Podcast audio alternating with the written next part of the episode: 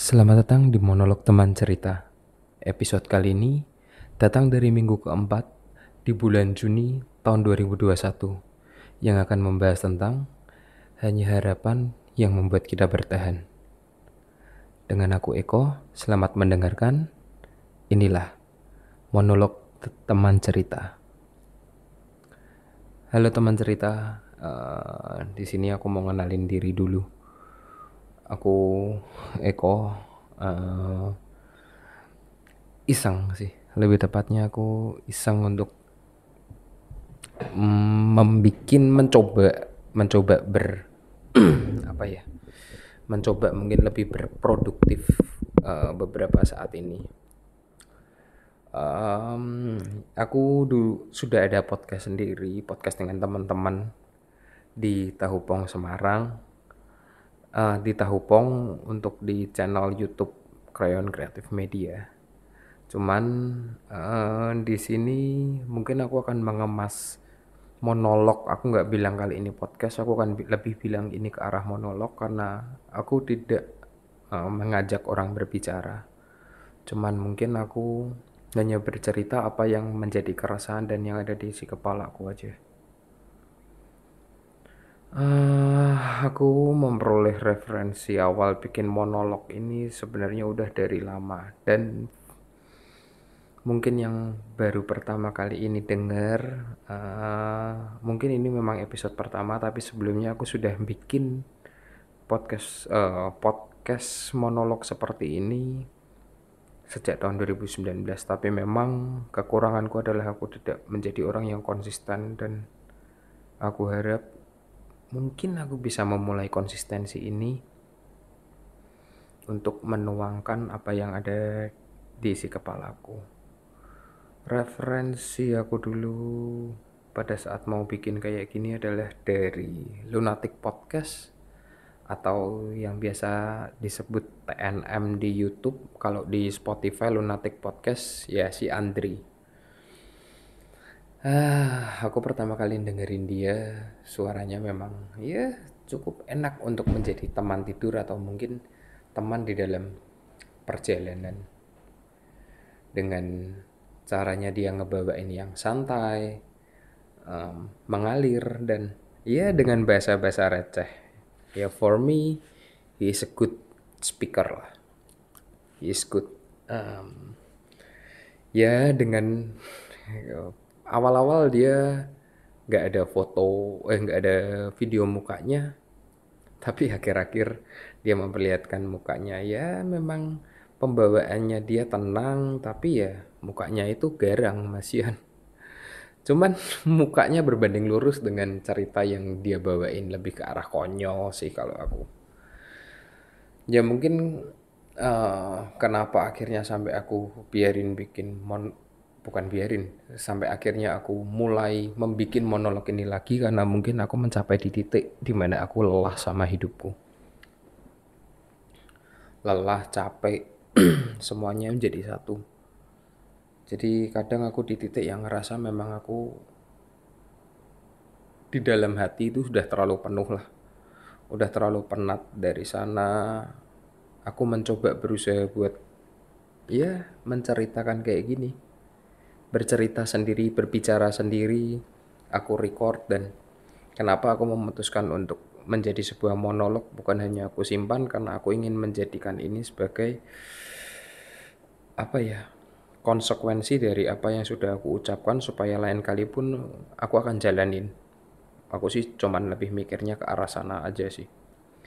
Karena buat aku saat aku sudah ngucap berarti harus tak lakuin. Saat aku sudah berbicara sesuatu hal jadi aku harus mengingat dan menjadikan ucapanku itu menjadi sebuah kenyataan.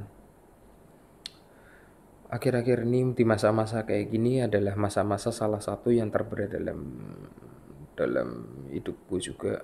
Aku yakin juga pasti kalian teman cerita juga adalah beberapa dari kalian atau mungkin circle kalian yang merasakan kurang lebihnya hal yang sama masa-masa um, yang gak mudah buat kita laluin ini semua. Mungkin banyak perkara banyak masalah sampai di titik yang mungkin kita kehilangan harapan. Kita kehilangan harapan karena banyak hal ditinggal orang tersayang. Baik itu mungkin uh, lingkungan-lingkungan kita teman saudara orang tua atau uh, pacar atau mungkin istri atau siapa pun itu uh, pasti ada sedikit dari kalian yang juga ngalamin hal kayak gitu. Ya sebenarnya uh, memang situasi yang gak enak sih buat aku juga akhir-akhir ini. Uh, itu kenapa akhirnya aku speak up karena aku menjadilah menjadi lupa akan arti sebuah harapan. Aku lupa kenapa sampai aku mulai harus berjuang untuk selama ini aku lupa apa yang aku perjuangkan dan untuk siapa aku berjuang ya aku lupa sampai akhirnya aku tersadar dalam beberapa hal yang ya mungkin nanti aku akan ceritakan. Kalau aku ngelihat dari problem-problem yang sekarang ini kebanyakan dari teman-teman yang cerita maupun dari pengalamanku sendiri banyaklah yang problem yang sekarang baru dihadapin. Karena ya satu atau lain hal kondisi kita selama hampir dua tahun ini dipaksa berdamai dengan keadaan uh, menurutku bukan hal yang baik. Banyak permasalahan yang terjadi di sana dari ya yang paling biasanya menjadi pembicaraan adalah masalah ekonomi mungkin atau hubungan uh, dengan orang tua dengan teman atau mungkin dengan pacar. Atau mungkin bahkan yang paling parah adalah kehilangan orang yang kita sayang karena uh, penyakit yang sedang melanda kita ya sedang melanda dunia ya bukan negara kita aja. Banyak sih dari circleku juga yang aduh akhirnya mungkin harus merelakan orang yang mereka sayang untuk menjadi korban dalam wabah kali ini ya. Ya aku tahu uh, akan menjadi hal yang tidak mudah. Waktu uh, akhir-akhir ini juga aku barusan mendengarkan jadi ada teman cerita dari teman lah yang dia seorang carrier. Sampai akhirnya dia balik ke rumah dengan orang tuanya akhirnya kena dan saudaranya akhirnya kena.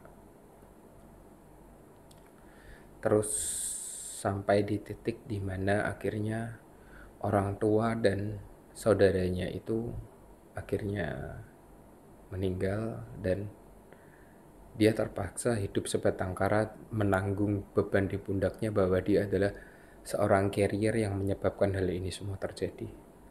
Uff, fuck.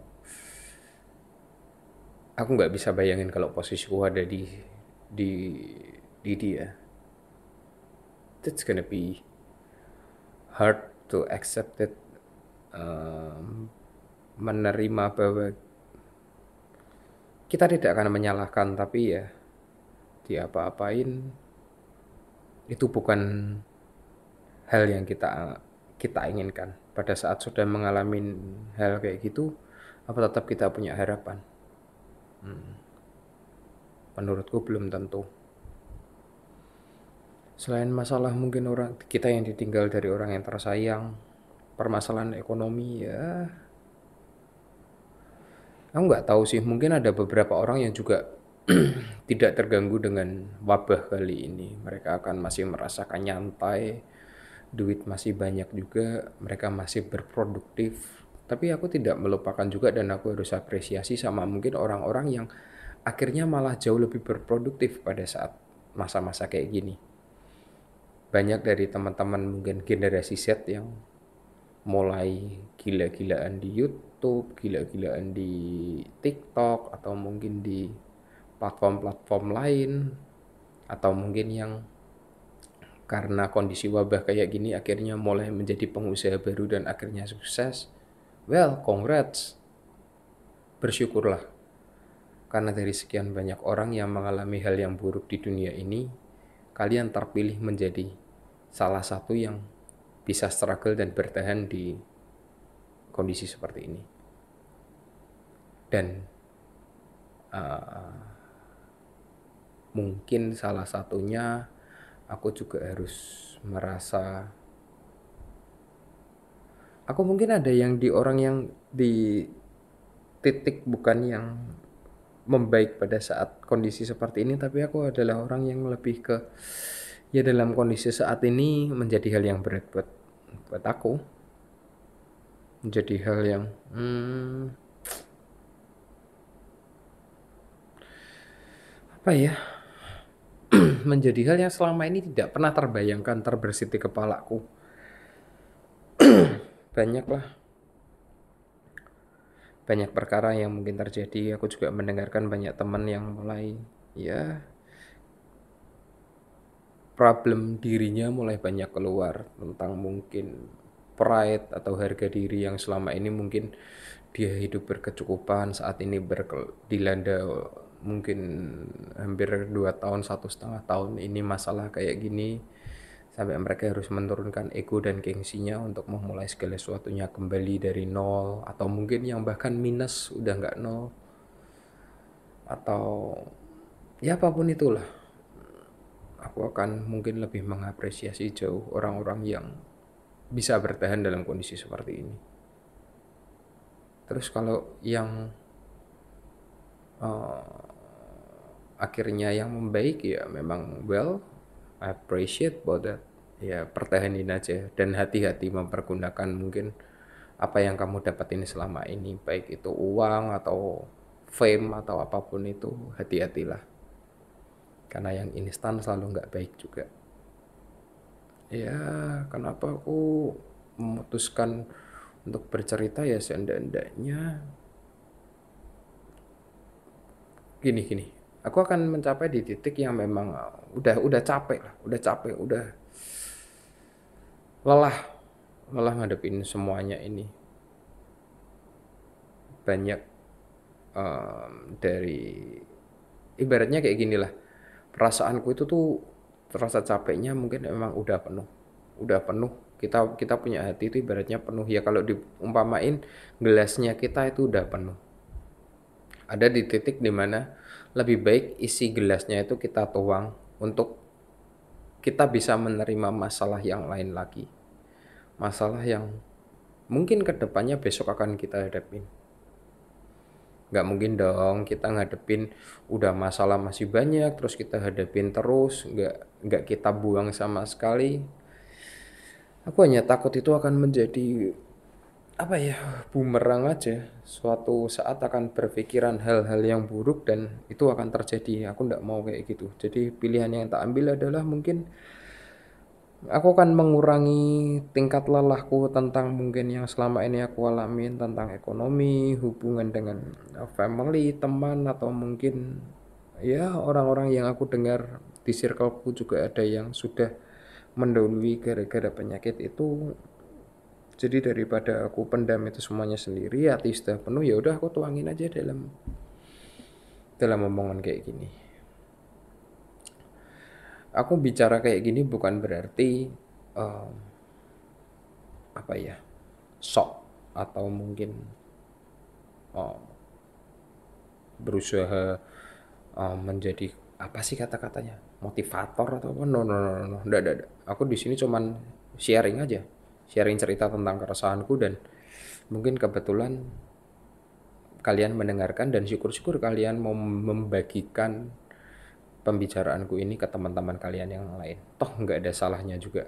Yang harus kita tahu itu bahwa di luar sana kamu mungkin baik-baik saja dan bisa bertahan dari kondisi yang ada, tapi kamu harus ingat banyak di luar yang sana, banyak di luaran di sana orang-orang yang mas sudah berputus asa bukan masih tapi sudah berputus asa dan mereka berpikir no way out dalam hal ini. Apakah dengan kita uh, sekedar share kata-kata kayak ini, sekedar share link ini untuk mengingatkan yang lain bahwa kamu tuh tidak sendirian di luar sana tuh juga banyak eh, orang-orang uh, yang sedang menghadapi masalah. Jadi ya dalam kondisi kayak gini kita nggak bisa sih kalau menurutku cuman um, memberikan masukan yuk menurutku ya menurut kamu harus seperti ini menurutku kamu harus seperti ini. Hmm, bukan gitu sih. Kalau kalau menurutku itu bukan bukan bukan cara yang bijak.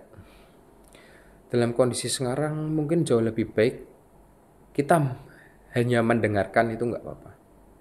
Karena mendengarkan adalah suatu hal yang sudah um, apa ya yang yang sudah jarang orang lain bisa lakuin dalam kondisi sekarang. Mereka hanya lebih bisa berbicara dan menuntut menuntut tanpa berusaha mau mendengarin. Dengerin mungkin dari teman yang sedang ada masalah sedang ada problem. Meskipun kamu sendiri mungkin juga sedang menghadapi problem ya nggak ada salahnya kamu mendengarkan masalah orang lain.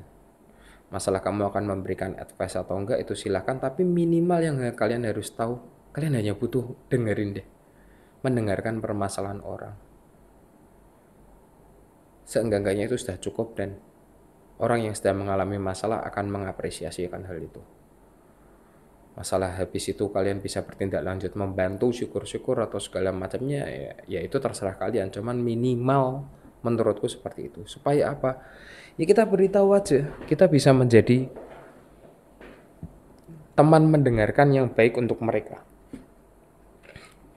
untuk orang-orang terdekat.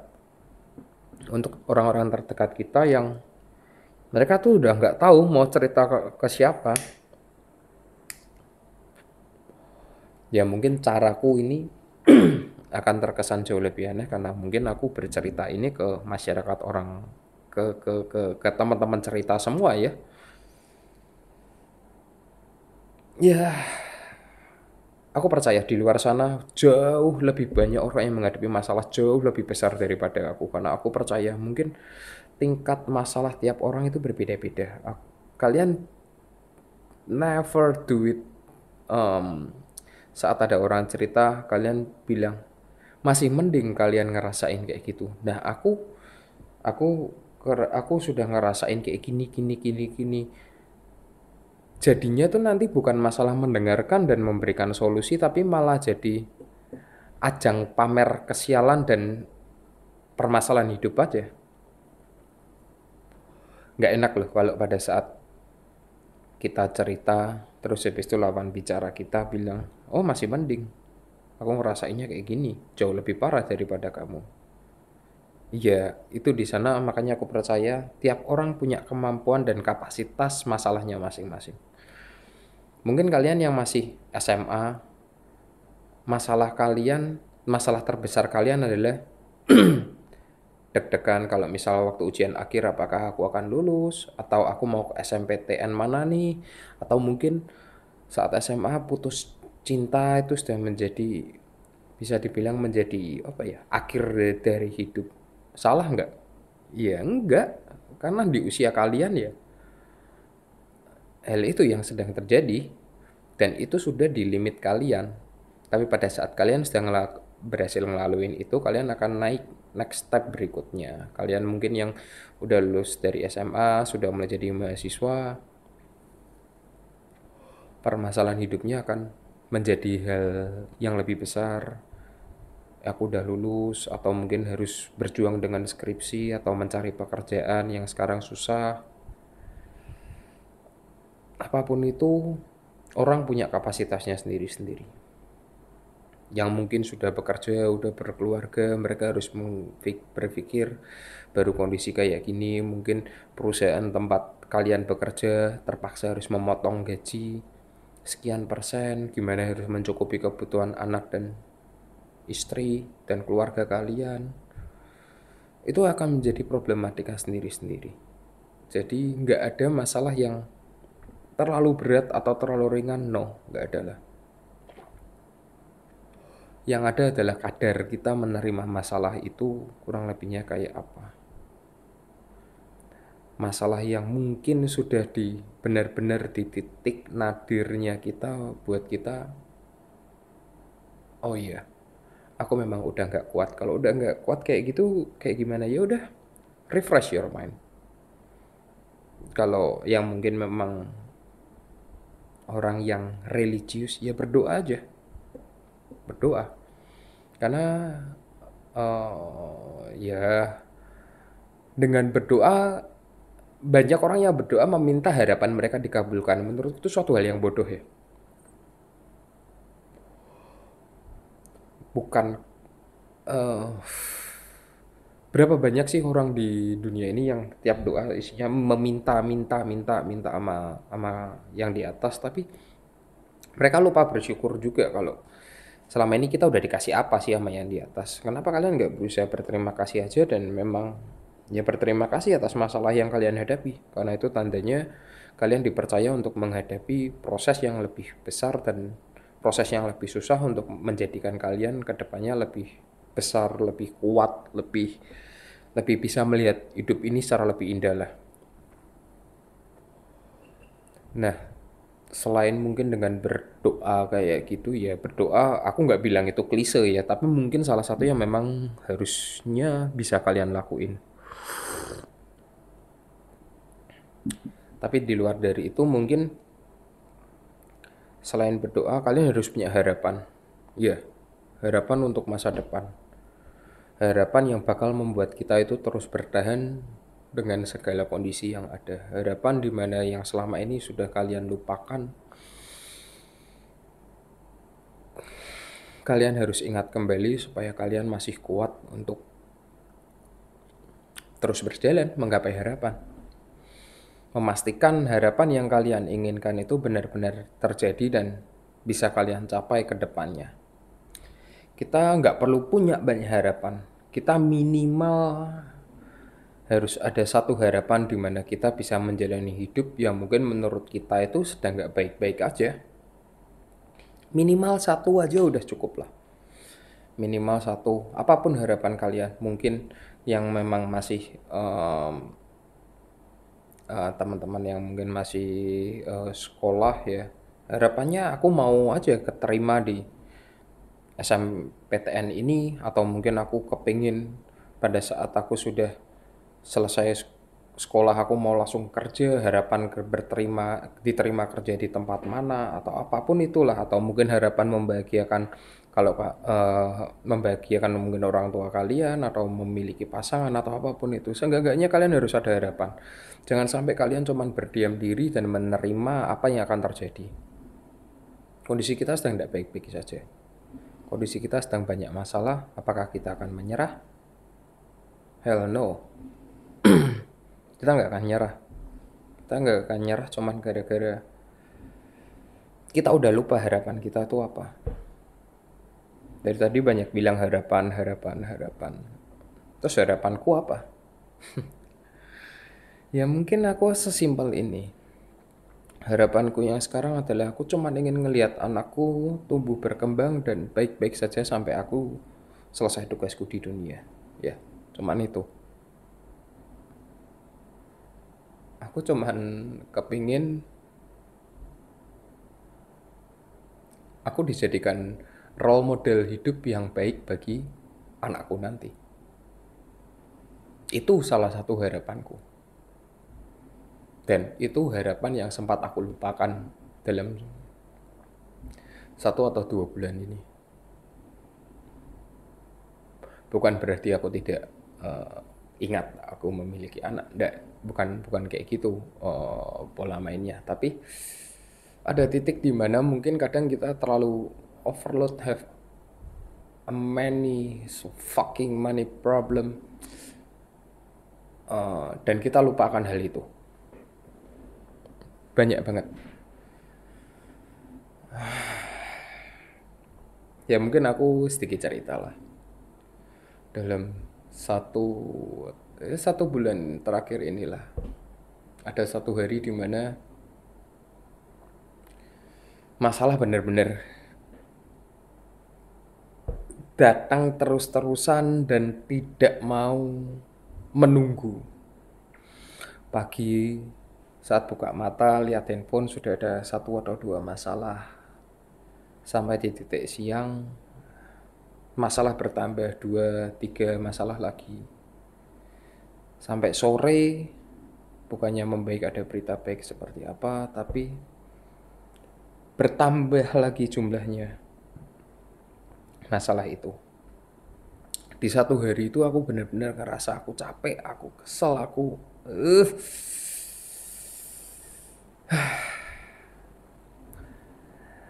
um, saat itu aku masih bekerja dengan ya kurang lebihnya jam-jam aku pulang kerja sekitar jam-jam 7 ya mungkin memang gak lazim buat bagian sebagian orang tapi aku jam 7 waktu itu baru keluar dari tempat kerja. Aku memiliki waktu 15 sampai 20 menit untuk sampai ke rumahku dan percayalah 15 atau 20 menit itu adalah 15 atau 20 menit terberat dalam hidupku.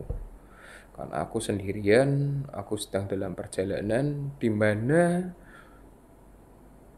dengan pikiran yang sangat teramat kacau.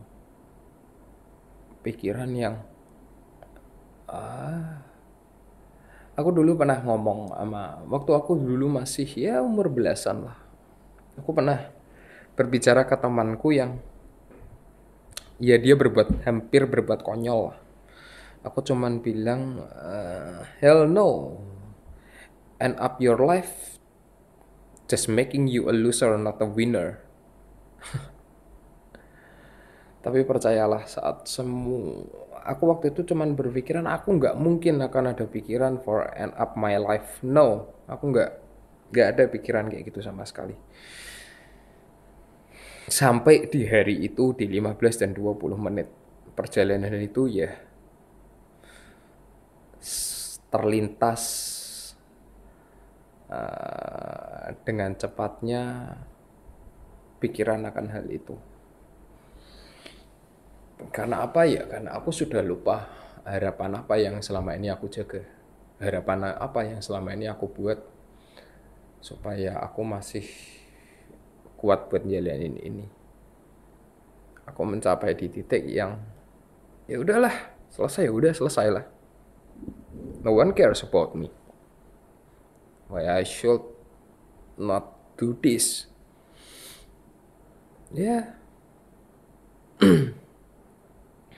akhirnya 15 dan 20 menit itu berlalu dan aku sampai ke dalam rumah aku mulai memarkirkan kendaraanku, aku masuk ke dalam rumah dengan muka yang memang sudah sangat teramat lelah, capek, gak mau ngerasain apa-apa lagi dalam hidup. Tapi di saat itu ada mujizat atau tamparan lebih tepat. Aku nggak percaya itu mujizat sih. Aku lebih tepatnya lebih setuju itu adalah tamparan keras buat aku iya tamparan yang selama ini udah aku lupain akhirnya aku dapetin juga waktu itu saat aku membuka pintu biasanya aku akan mencuci tanganku lalu aku akan ke tempat anakku dan bermain bersama dia menghabiskan waktu hingga akhirnya dia tertidur tapi sampai mencapai di satu titik aku buka pintu sebelum aku sempat ngapa-ngapain anakku lari dan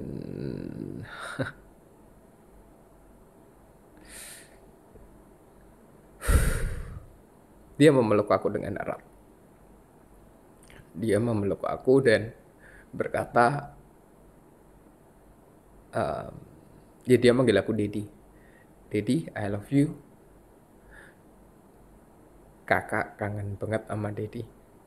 That's it. That's it um, dua kalimat yang akhirnya menyadarkan dan mengingatkan pentingnya sebuah harapan. Mungkin pada saat aku tidak mengalami hal seperti itu, ya aku akan melakukan hal yang konyol. Uh, aku sempat akan menjadi loser dan aku tidak akan mau kembali lagi posisi menjadi loser dan aku berterima kasih karena aku masih disadarkan aku ditampar keras akan hal itu supaya aku lebih ingat bahwa aku masih memiliki orang-orang yang membutuhkan aku di dunia ini. Itu kenapa aku selalu bilang, yuk kita bikin harapan bareng-bareng yuk. Harapan apa sih yang mau kalian bikin? Harapan apa yang bakal membuat kalian bertahan dengan harapan-harapan yang ke depannya harus kalian realisasikan? Harapan apa yang tidak terlalu muluk-muluk, tidak terlalu, tidak perlu terlalu tinggi. Kalian boleh bermimpi lah, bermimpi setinggi langit itu boleh bermimpi setinggi langit itu boleh tapi minimal kalian bisa ngelihat langitnya aja itu kalau aku ya. Sampai akhirnya ya aku hanya membuat harapan se, se semudah aku cuman kepingin anakku melihat anakku tumbuh kembang aja. That's it. Apa pun yang apa pun yang akan terjadi ya akan aku terima. Lebih tepatnya mungkin harga yang harus aku bayarin untuk sebuah harapan ya akan aku lakukan. Apa pun itu. Apa pun itu. Ya apa pun itu. Harga yang benar-benar harus dibayarkan. Ya ah, aku mendengarkan harga yang harus dibayarkan ini dari um, Coki Pardede Majelis Lucu Indonesia. Ya waktu itu dia pernah beranalogi harga yang harus dibayarkan for being a comedian begitu pula kita harga yang harus kita bayarkan untuk masih mempunyai harapan apa harga yang harus dibayarkan? Banyak banget. Uh, mungkin kita harus menghadapi problem yang selama ini belum pernah kita hadapin, situasi yang benar-benar di mana uh, akan kita laluin segalanya ini situasi di mana hal yang selama ini nggak mungkin kita lakuin lebih lakuin kita mungkin harus menurunkan ego kita bekerja segala macam kita mungkin harus uh, bekerja jauh lebih ekstra lebih keras dalam kondisi seperti ini. Kita jauh harus lebih berkreatif dalam saat-saat seperti ini karena mungkin yang bekerja uh, menjadi seorang karyawan di perusahaan akan mencapai titik di mana jika perusahaan itu memang sudah tidak kuat untuk um, melawan kondisi wabah seperti ini dia akan meng-PHK ya karyawannya dan saat itu mungkin kalian akan berpikir eh, ya gimana caranya jadi pengusaha ya kalian harus dituntut jauh lebih kreatif lah menurutku. Yang mungkin masih punya uh, masalah dengan pasangan atau segala macam ya berusaha aja mulai menurunkan ego supaya jauh lebih ngerti pasangan. Yang mungkin sedang bermasalah dengan keluarganya ya berusaha diselesaikan itu harga yang harus kita punya buat memupuk sebuah harapan gampang nggak murah nggak harganya itu kalau sampai kalian sudah mencapai di titik kalian sempat berpikir untuk end up yourself Aku berani jamin harga yang kalian bayarkan itu tidaklah mudah. Harga yang harus kalian bayarkan itu harga yang benar-benar harga yang gak masuk akal harganya. Tapi harus kalian lakukan. Ya, untuk apa? Ya untuk menjalankan sebuah harapan itu. Ya kita mungkin semua sudah tahu dalam kondisi pas kayak gini tuh tidak ada yang mudah kita tahu segalanya mungkin sudah mencapai batasnya, tapi kita harus percaya bahwa sebuah harapan akan membuat kita kuat dalam bertahan dan membuat kita melakukan perbedaan. Itu sih. Yuk, ah, sama-sama yuk kita ngingetin yang lain supaya masih punya harapan buat orang-orang yang uh, mungkin lupa sejenak apa sih sebenarnya harapan mereka sampai mereka sudah menyerah dan tidak mau bertahan. Yuk kita ingetin semua yuk. Yuk, yuk, yuk, bisa yuk. Yuk, bisa. Bareng-bareng kita ingetin kalau mungkin ada teman yang sedang ada masalah, ya mungkin dengerin aja lah. Udah, bahasanya jadi kayak apa ya? Kasarnya kayak berat banget. Ya kalian mungkin akan mendengarkan hal yang berat kayak gini. Um, tapi semoga hal yang berat seperti ini hanya pada saat episode pertama aja lah. Mungkin karena aku juga terbawa sentimental. Aku termasuk orang yang cukup berlogika tapi beberapa hal sampai itu sudah mencapai eh menyentuh sentimentalku ya mungkin itu adalah saat di mana mungkin aku harus um, koreksi diriku sendiri dan akhirnya aku bikin kayak gini uh, berterima kasihlah kalian kalau mungkin di saat ini kalian masih ada teman-teman, sahabat, pasangan, keluarga yang mendukung kalian. Berterima kasihlah. Uh, aku mungkin bikin kayak gini juga ya aku harapanku pasti aku juga nanti akan share link ini di di uh, eh, IG storyku. Oh ya kalian mungkin bisa follow aku di Eko Setiawan C. Kalau yang mau cerita tentang kalian sudah nggak punya harapan atau kalian sudah dalam kondisi yang tidak tahu harus cerita sama siapa kadang bercerita ke strangers itu suatu hal yang menyenangkan. Trust me kamu bisa menggunakan direct message kalian untuk mungkin bercerita sama aku nggak apa-apa Aku mungkin tidak akan membalas semuanya, tapi seenggak-enggaknya aku pasti akan mendengarkan semuanya. Aku juga tidak mau ngejudge permasalahanmu seperti apa, tapi seenggak-enggaknya aku udah bilang jalanin sebuah harapan supaya kita punya hidup yang lebih baik ke depannya. Aku juga, ya, buat teman-temanku sendiri yang uh, mendengarkan obrolan gak jelas ini, uh, I'm I'm really sorry. Aku mohon maaf kalau mungkin uh, satu atau dua tahun ini aku mungkin uh, menyepelkan tidak seperti yang kalian kenal dahulu karena mungkin memang ada beberapa permasalahan yang mungkin mengharuskan aku dalam keadaan yang tidak menyenangkan seperti ini. Uh, but keep it my word, all my friend, one day I will pay it to you. Uh, I will pay it di sini bukan berarti aku membayarkan nominal hutang atau segala macam ya cuman aku akan menebus satu atau dua tahun waktuku yang mungkin agak jauh dari kalian ini day akan aku tebus itu pasti dan kalau mungkin buat teman-temanku yang dengerin ini minta tolong ya tolong di share uh, dengan harapan kayak apa? Ya mungkin aku bikin kayak gini mungkin salah satunya siapa tahu dapat dapat apa ya? Dapat duit. Enggak lah duit nomor kesekian dulu lah kondisi sekarang. Jauh lebih baik untuk mengembalikan mental dan perasaan dulu. Ya apa pun itu eh, sekali lagi buat um, teman-teman cerita yang ada di luar sana baik itu mungkin yang di mana pun. Mungkin di episode yang pertama ini kalian akan mendengarkan pembicaraanku yang memang membosankan, boring atau segala macam. Ya kalau memang yang kalian suka terima kasih. Cuman kalau kalian yang tidak suka ya nggak apa-apa. Karena pada dasarnya aku juga bukan orang yang baik untuk bercerita. Cuman aku harapin nanti mungkin di episode kedua aku akan membahas jauh yang lebih santai-santai aja lah ya nggak usah terlalu yang um, indip kayak gini. Atau kalian malah lebih suka aku membahas sesuatu yang indip kayak gini. Ya tahulah apa pun itu yuk kita sama-sama membuat harapan supaya kita bisa bertahan. Mungkin kayak gitu untuk uh, episode pertama ini. Aku Eko dari monolog teman cerita. Selamat bertemu di episode-episode berikutnya bye bye